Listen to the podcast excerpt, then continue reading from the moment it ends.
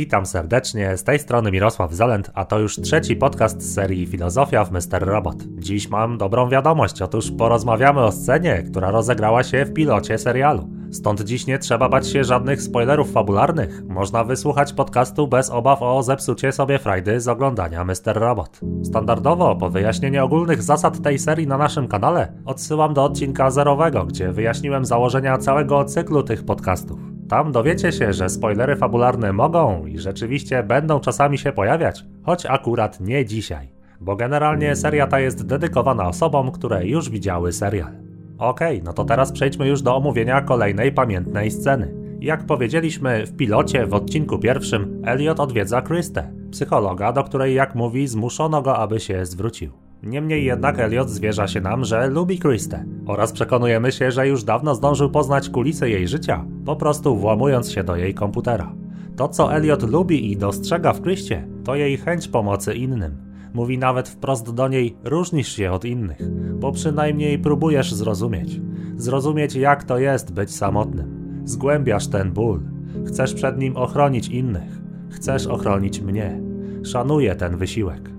Rozbrajająca szczerość Eliota i też wyjątkowa relacja pomiędzy nim i Krystą, psychologiem, który po prostu stara się mu pomóc. Natomiast dialog, który nas dziś interesuje, to dość ikoniczna scena, w której Krysta pyta Eliota, czym tak bardzo rozczarowało cię społeczeństwo? I słyszymy odpowiedź Eliota. A nie wiem.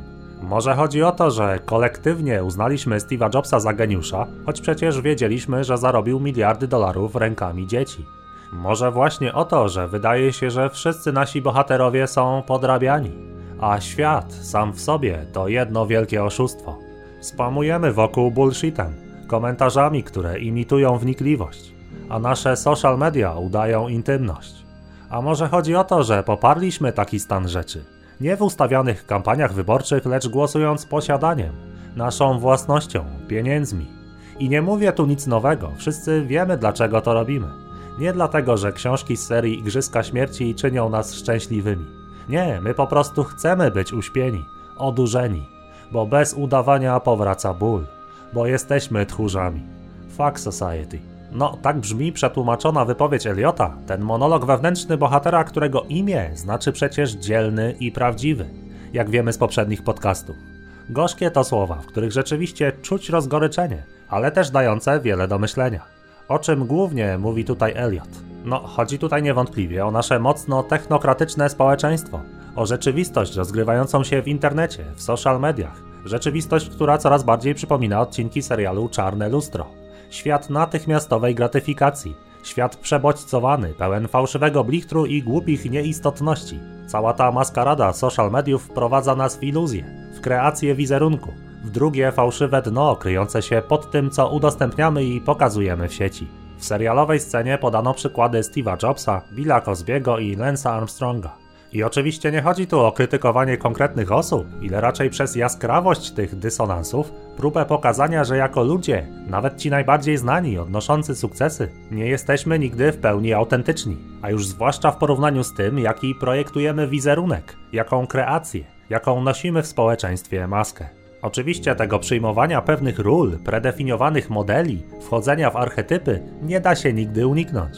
Inaczej nie istniałyby w społeczeństwie wydzielone role, np. lekarza, przedsiębiorcy, nauczyciela, sportowca, gwiazdy show biznesu. Pięknie na ten temat pisał Witold Gombrowicz. Wszędzie tam, gdzie wspominał o gębie, miał na myśli właśnie maski społeczne, które narzuca nam zbiorowość.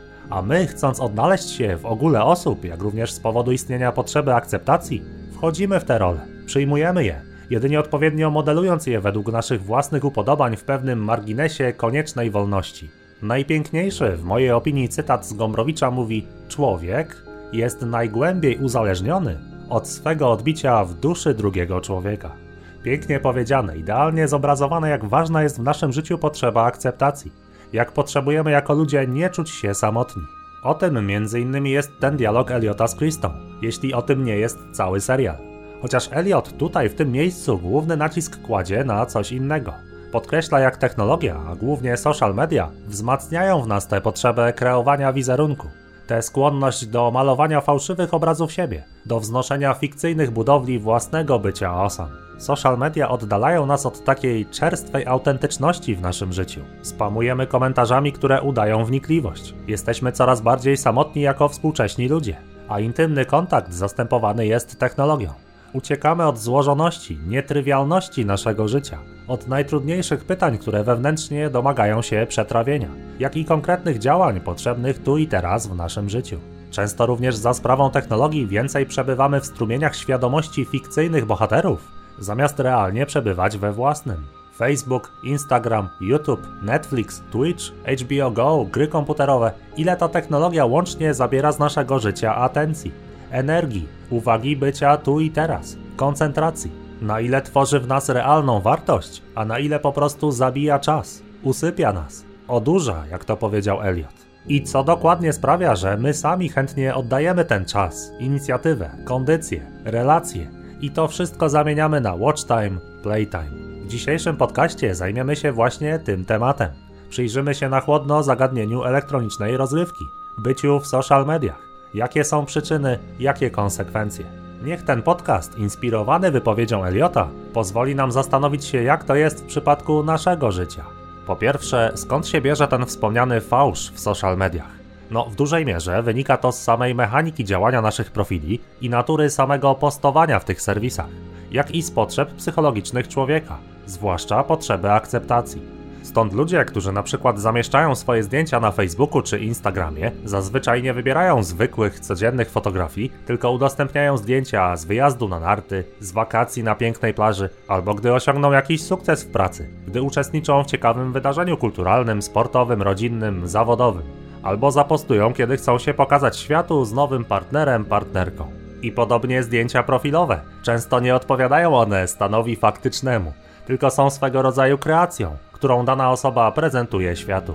Tak działają social media, to w nas wyzwalają. Jest nawet taki sketch neonówki pod tytułem Polska Wigilia, gdzie kabaret trochę naśmiewa się z nieautentyczności fotek na Instagramie. Posłuchajmy. E, dziadek, nie przepisałbyś tego swojego mieszkania na mnie, co? A czemu na ciebie? A, bo teraz mam nową dziewczynę, Jessiczkę, nie? I, I właśnie ten, i taka, wiesz, jest... Ale taka, że i tu ma, i tu? Znaczy, no, na żywo może tak dobrze nie wygląda, ale na Instagramie gniecie. No, to oczywiście żart, natomiast pokazuje on dobitnie, że jesteśmy świadomi takiego blichtru, brokatu, fałszu social mediów.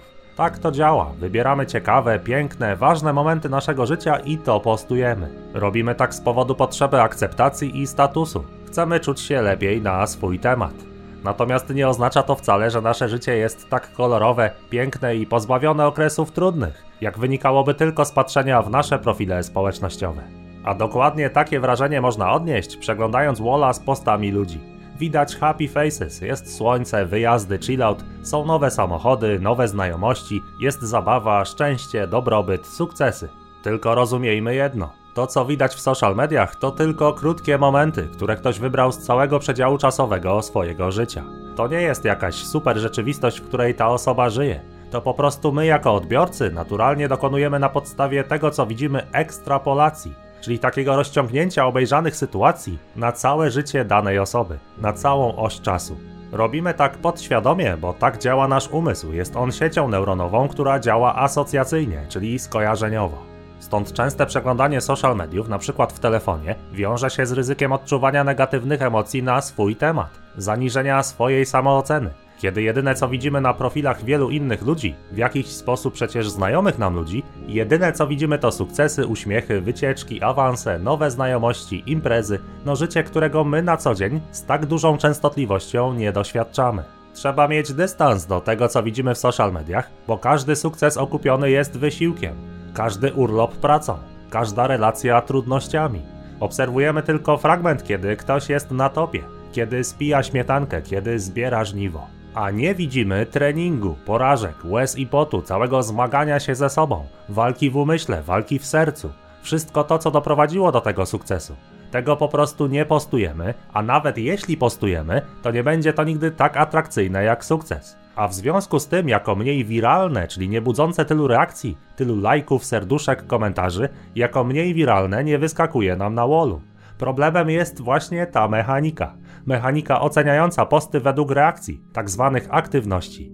I podobnie jest na YouTubie. Zwróćmy uwagę na mechanikę. Mówię tu o zjawisku, które nazywamy forced positivity, czyli taki wymuszony entuzjazm. Żeby skutecznie zaistnieć w mediach społecznościowych, warto być pełnym energii, pasji, hypu, udostępniać jak najwięcej jak najciekawszych, skondensowanych, budzących reakcje materiałów. Jeśli ktoś na przykład zajmuje się fitnessem na swoim kanale YouTube, no to jakie filmy będzie udostępniał? Ćwiczenia, treningi, odzież sportowa, suplementy, zawody, prezentacje sylwetki. Oglądając takie skondensowane, zaplanowane, zmontowane treści, można odnieść wrażenie, że ten człowiek cały czas posiada niesamowitą pasję, motywację, wiedzę, jest codziennie nakręcony i nahypowany, żyje tym co robi i odnosi liczne sukcesy. A my patrzymy na to, ekstrapolujemy tę postawę na całe życie danej osoby i mówimy, dlaczego ja tak nie potrafię? Czemu nie mogę być ciągle zmotywowany? Czemu nie mogę tak wiele robić? No właśnie, trzeba zdać sobie sprawę, że to co widzimy, to wybrane i zmontowane fragmenty życia tej osoby, często podane w sposób pozytywny, czyli z energią, pasją, poczuciem humoru.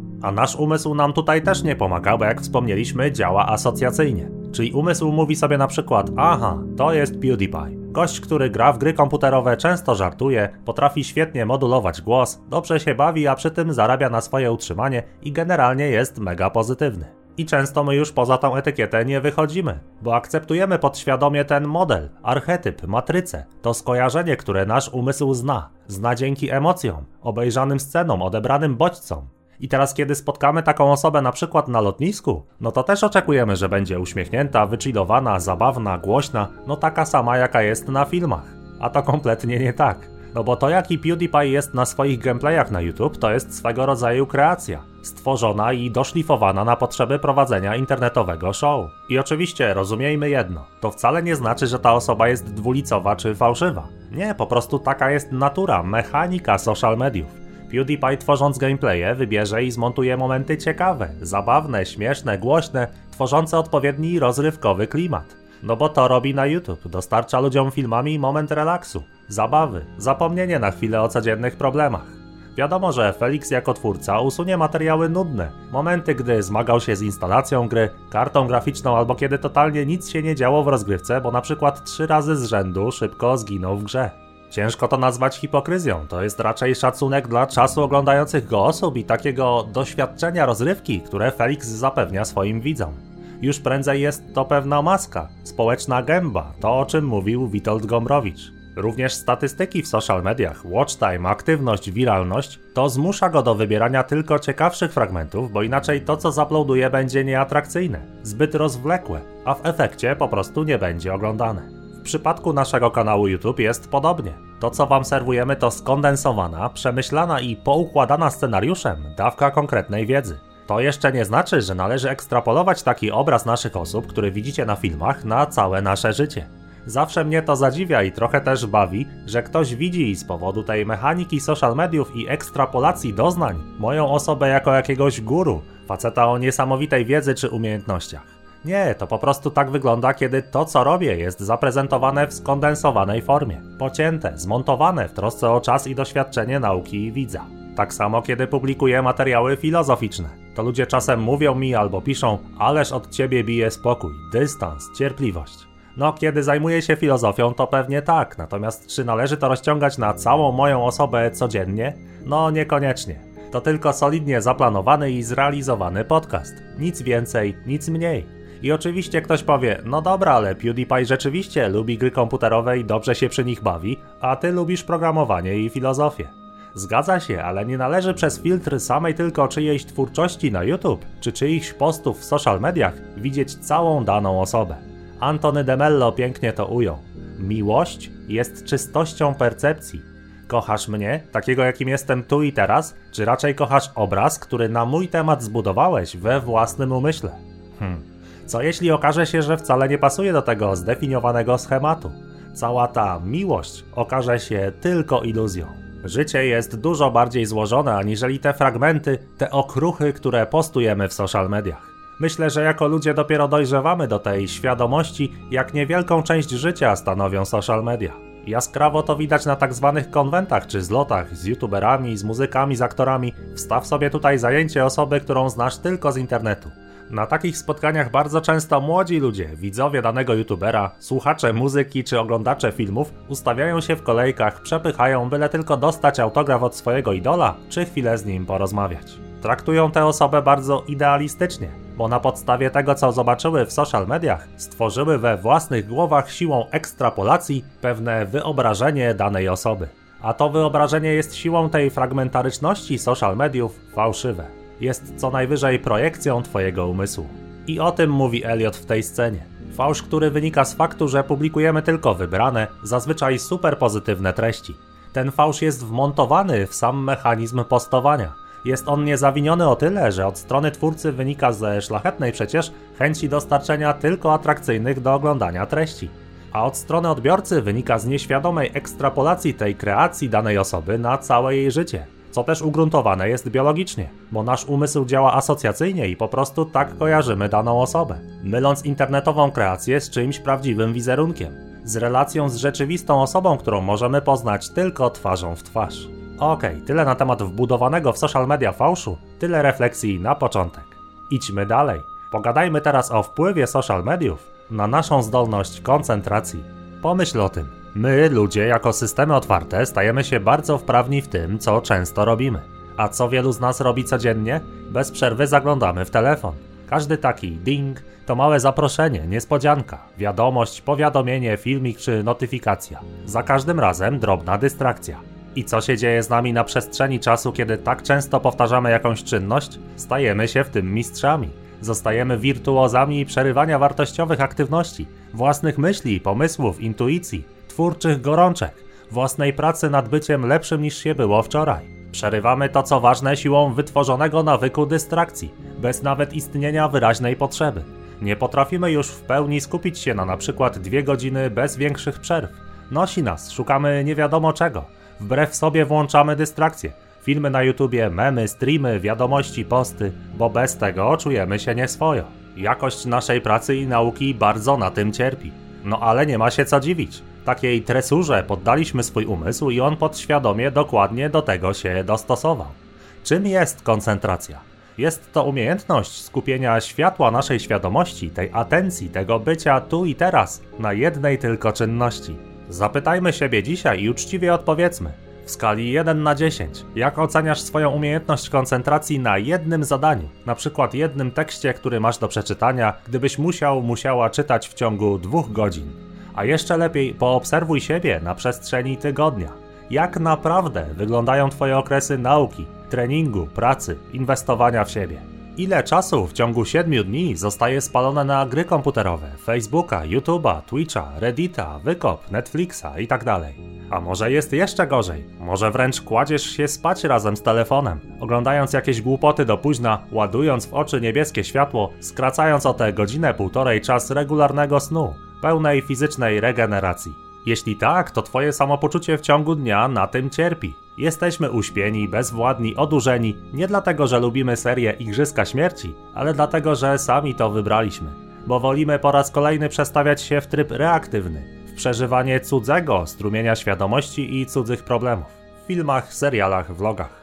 Przez naszą wytworzoną bierność nasze osiągnięcia nie dorównują potencjałowi. Marnujemy swoje talenty, nie zakopujemy ich w ziemi, lecz sprzedajemy je w App Store. Przestajemy rozdawać siebie innym w imię miłości, a zamiast tego uczestniczymy w maskaradzie social mediów. Ktoś powie, a bez przesady, to tylko telefon, a technologia przecież nam pomaga, umożliwia kontakt. Co to za jakieś demonizowanie smartfonów? Kto jeszcze gada takie głupoty w 2019 roku? Chyba tylko Mirosław Cement na swoim kanale.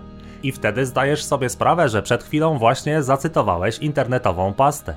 Że wiele Twoich skojarzeń, myśli, a nawet Twój sposób wypowiadania się, że to wszystko pochodzi z tego, co Twój umysł zobaczył w social mediach. A przyswoił tego sporo, bo codziennie trenujemy. Z użyciem telefonu. Memy, copy-pasty, głupie, nierzadko chamskie komentarze udające wnikliwość, Reddit, wykop, głupoty z karty na czasie, tym karmimy swój umysł. A co gdyby przestać to robić? I zamiast tego hałasu, a także nierzadko fałszu, jak powiedzieliśmy w pierwszej części podcastu, zamiast tej papki nakarmić umysł wartościowymi treściami. Żeby z tego produkował przyszłe skojarzenia, nastawienia, oceny, reakcje, wizualizacje, żeby umysł nauczyć fokusowania, skupiania się, żebyśmy to my kontrolowali to narzędzie, a nie żeby ono prowadziło nas. Ty i umysł. Jedno z was będzie jeźdźcem, drugie będzie tylko koniem. Tę walkę wewnętrzną warto podjąć. Podjąć nie po to, żeby błyszczeć, bo tego też uczą nas social media. Nie, podjąć tę walkę w imię miłości, w imię rozdawania swego potencjału innym. I jasne, można trywializować wpływ social mediów na człowieka, ale naprawdę nie żyjemy w trywialnych czasach. Mikrodecyzje i wytworzone przez to w nas nawyki, ścieżki myślowe mają daleko idące konsekwencje. A nie jesteśmy na poziomie zero. O nie, jesteśmy gdzieś niżej. Stres, tempo życia, chaos informacyjny, chemia i cukier w jedzeniu, smog, niedbałość o spożywanie odpowiedniej ilości wody, niedbałość o odpowiednią ilość snu, zła dieta, brak ćwiczeń fizycznych, bałagan w umyśle, wieczny multitasking, samotność, perfekcjonizm, odkładanie działania w czasie, presja osiągnięć, internetowa pornografia, używki, kompulsywność, uciekanie od własnego życiowego scenariusza strumienie świadomości fikcyjnych serialowych postaci. Współczesny człowiek, pomimo pozornego komfortu życia i rozbudowanej, bardzo pomocnej technologii, codziennie toczy duchową walkę. Social media, używane nierozsądnie, mogą wiele w tej naszej walce popsuć. To jak dodatkowy balast w zbroi wojownika. Przejmij kontrolę, zrzuć ten ciężar, a nie będzie to łatwe, bo jest przyczepiony na wielu małych nitkach, a nie na jednym wielkim sznurze. Ciężka to walka, walka wewnętrzna, w znacznej mierze nie fizyczna, trwająca długo i późno dająca rezultaty, ale też do wykonania zawsze, od teraz, wystarczy tylko decyzja i konsekwencja, ze zrozumieniem przyczyn i skutków social mediów. Niech ten podcast uświadomi nam, jak wiele czasu tej uniwersalnej waluty, którą wydajemy codziennie, tracimy bezsensownie w social mediach. Niech ten podcast uświadomi nam, że to, co zjadamy i trawimy umysłem, jest tak samo ważne, jeśli nie ważniejsze, od tego, co zjadamy ustami i trawimy żołądkiem. Życzę Wam i sobie udanej walki wewnętrznej. Życzę powrotu do stanu czystości percepcji oraz do zdrowej, pozwalającej realizować nasze talenty umiejętności koncentracji. Bądźmy także świadomi istnienia zjawiska asocjacyjnej ekstrapolacji treści, które dana osoba postuje w social mediach. Mamy do tego skłonność jako ludzie z powodu istnienia potrzeby akceptacji. Jest to także wbudowane w samą mechanikę, analitykę, a wręcz anatomię tworzenia wiralnych treści w internecie. Reasumując, fuck society? Nie, tylko potrzeba tu mądrości. Kochajmy ludzi akceptując ich słabości, a nie wymagając sterylnej doskonałości tworzonej kreacji założonej maski, gęby. Uczmy się czystości percepcji, nie wpędzajmy się nawzajem w perfekcjonizm z użyciem krytyki. Dbajmy o to, co konsumujemy umysłem. To tyle na dzisiaj. Wyłączmy teraz komputer, odłóżmy telefon, zróbmy coś dla bliskiej osoby. Do usłyszenia niebawem. Pozdrawiam serdecznie.